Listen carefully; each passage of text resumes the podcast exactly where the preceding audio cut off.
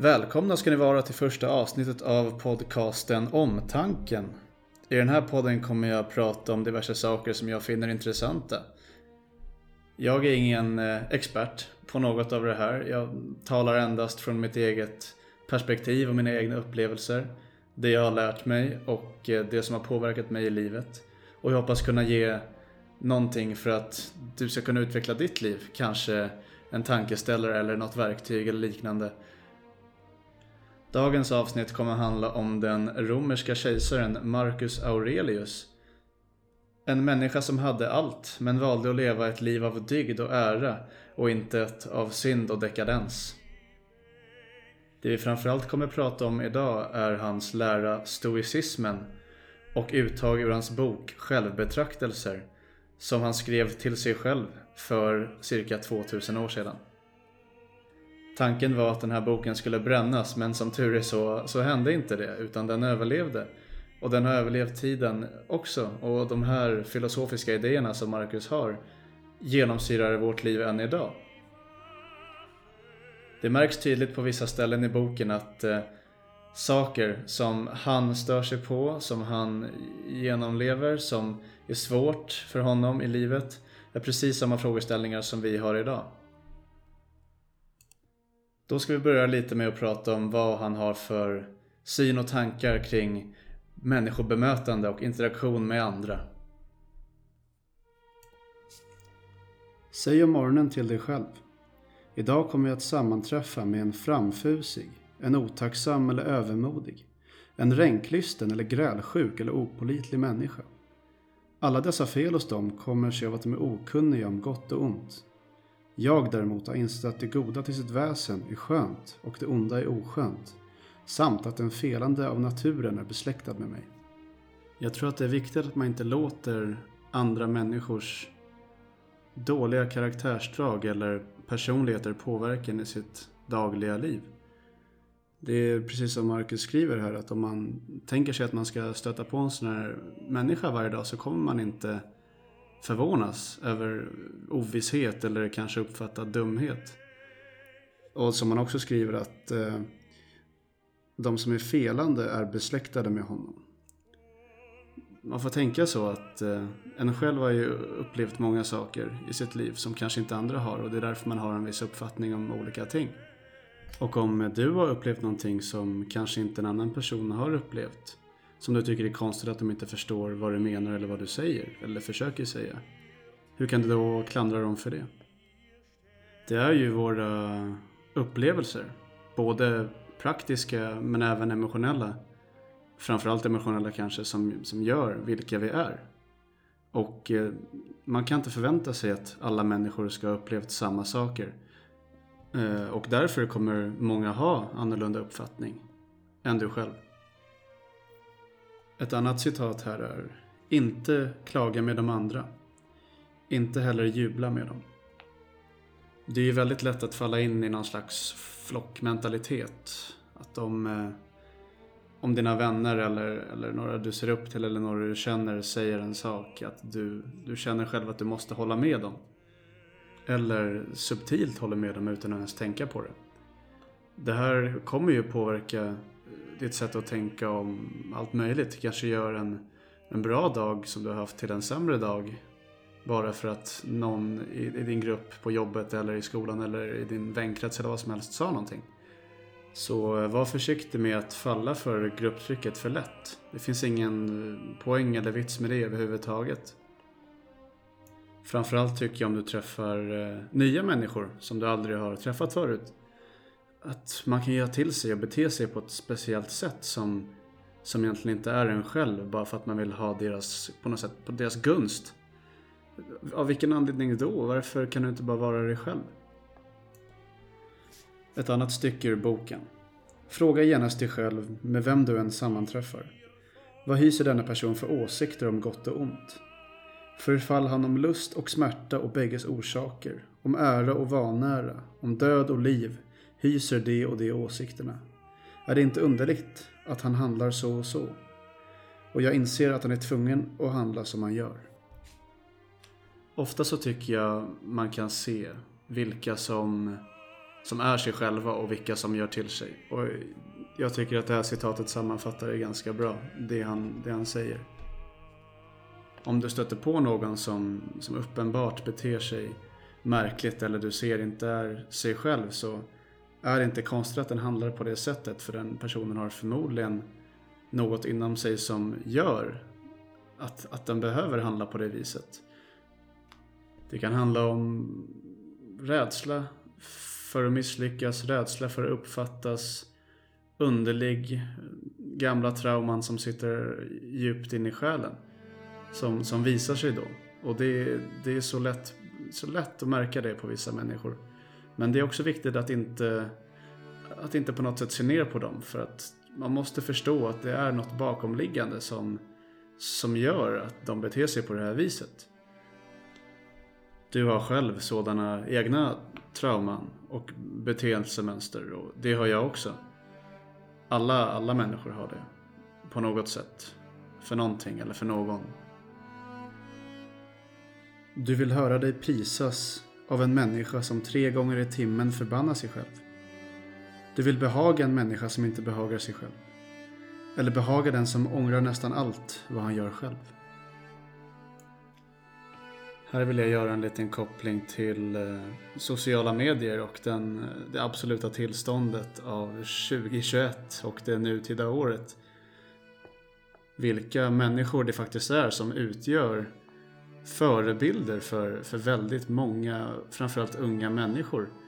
Och hur de lever hela sina liv genom någon slags lins där de filtrerar bort allt det dåliga och, och badar i, i, i den här prisen från, från andra människor som inte ens är delaktiga i deras liv. Det är det här bekräftelsebehovet som är så extremt enkelt att få med sociala medier. Du, du skulle kunna få gilla-markeringar från vem som helst över hela världen. Bara för att du lägger ut en bild och bam, där har du fått din, eh, din bekräftelse. En av känslorna som ger mest tillfredsställande är just att få bekräftelse. Och när man kan börja knarka det här, det blir helt sjukt. Din, eh, din föreställning om världen och hur saker ligger till blir helt skev. Försök komma tillbaka till den naturliga världen. Gå ut, gå på promenader, se dig omkring. Titta inte ner, titta upp. Umgås med folk som faktiskt ger dig det här. För att de tycker om dig som person och inte får det från någon extern källa av någon du inte känner på internet. Det är först då du kommer förstå hur mycket mer det ger att vara med en god vän en dag än att få 500 gilla-markeringar på en bild av 500 personer som du aldrig har kontakt med annars. Fråga dig själv, vad för intresse har jag av att följa den här människan på Instagram? Vad för intresse har jag att se vad den här människan gör i sitt liv? Är jag intresserad? Behöver jag veta? Tillför det här mig någonting överhuvudtaget? Ofta tror jag att svaret du kommer få här är, eh, är nej. Ett till citat. Människorna söker ensamhet på landsbygden, vid havet och bland bergen. Även du brukar längta efter detta. Det är dåraktigt. När som helst kan du ju dra dig tillbaka inom dig själv. Ingenstans ges det lugnare och mera ostörd tillflyktsort än människans egen själ.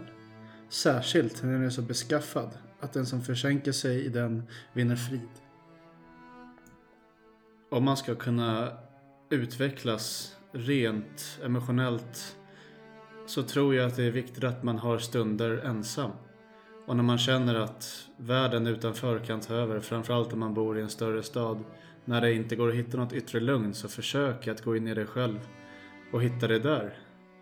Det kan räcka med att du eh, en kväll sitter och bara tänker. Ha inga externa påverkningar utan bara sitt, tänk och se vad som händer. Se vilka tankar som kommer fram i huvudet.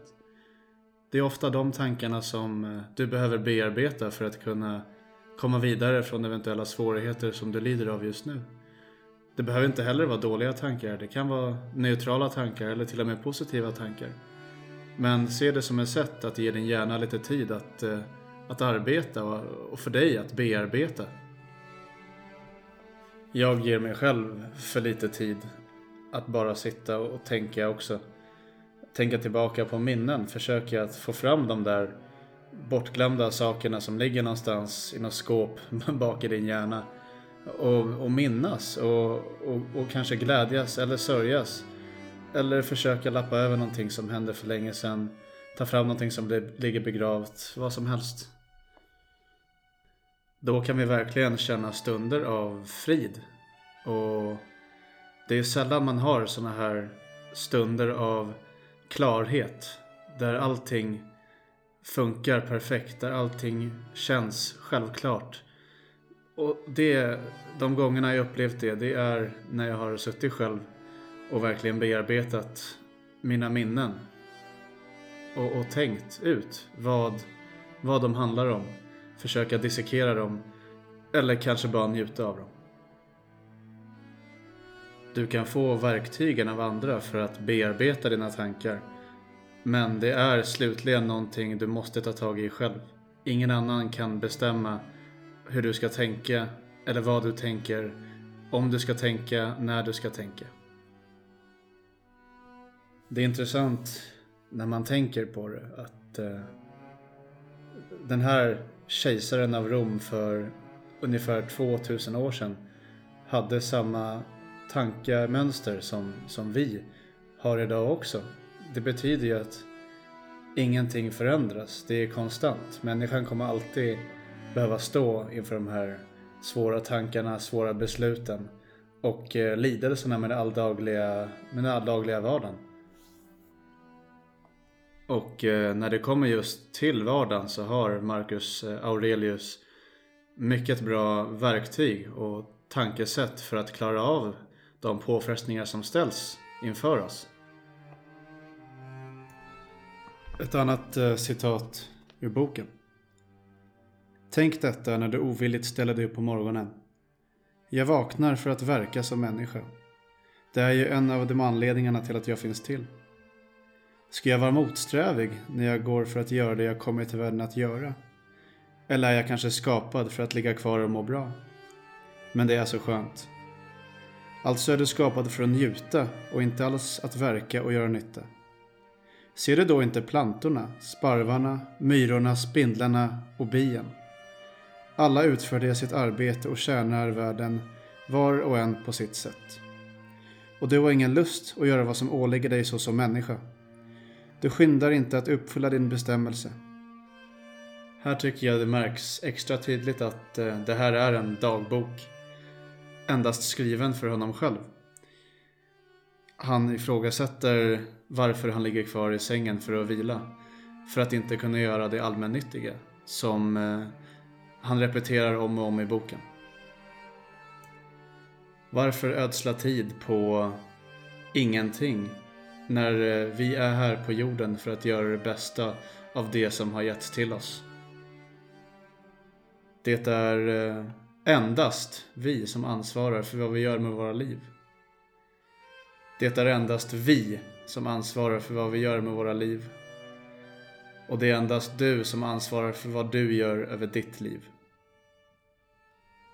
Låt andra ge dig verktyg, men det är endast du som bestämmer om du kommer använda verktygen och hur du kommer anpassa användningen av verktygen.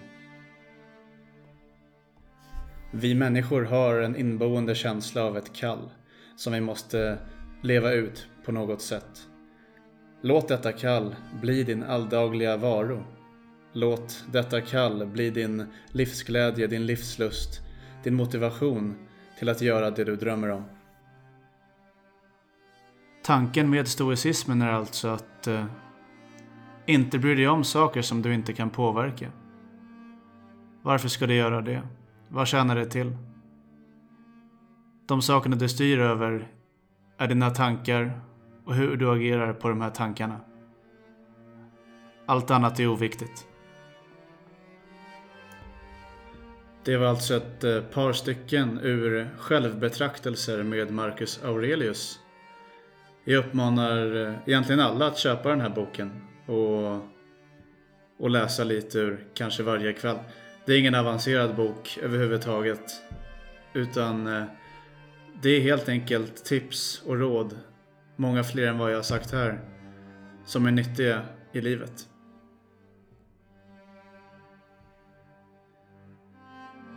Det var det för idag.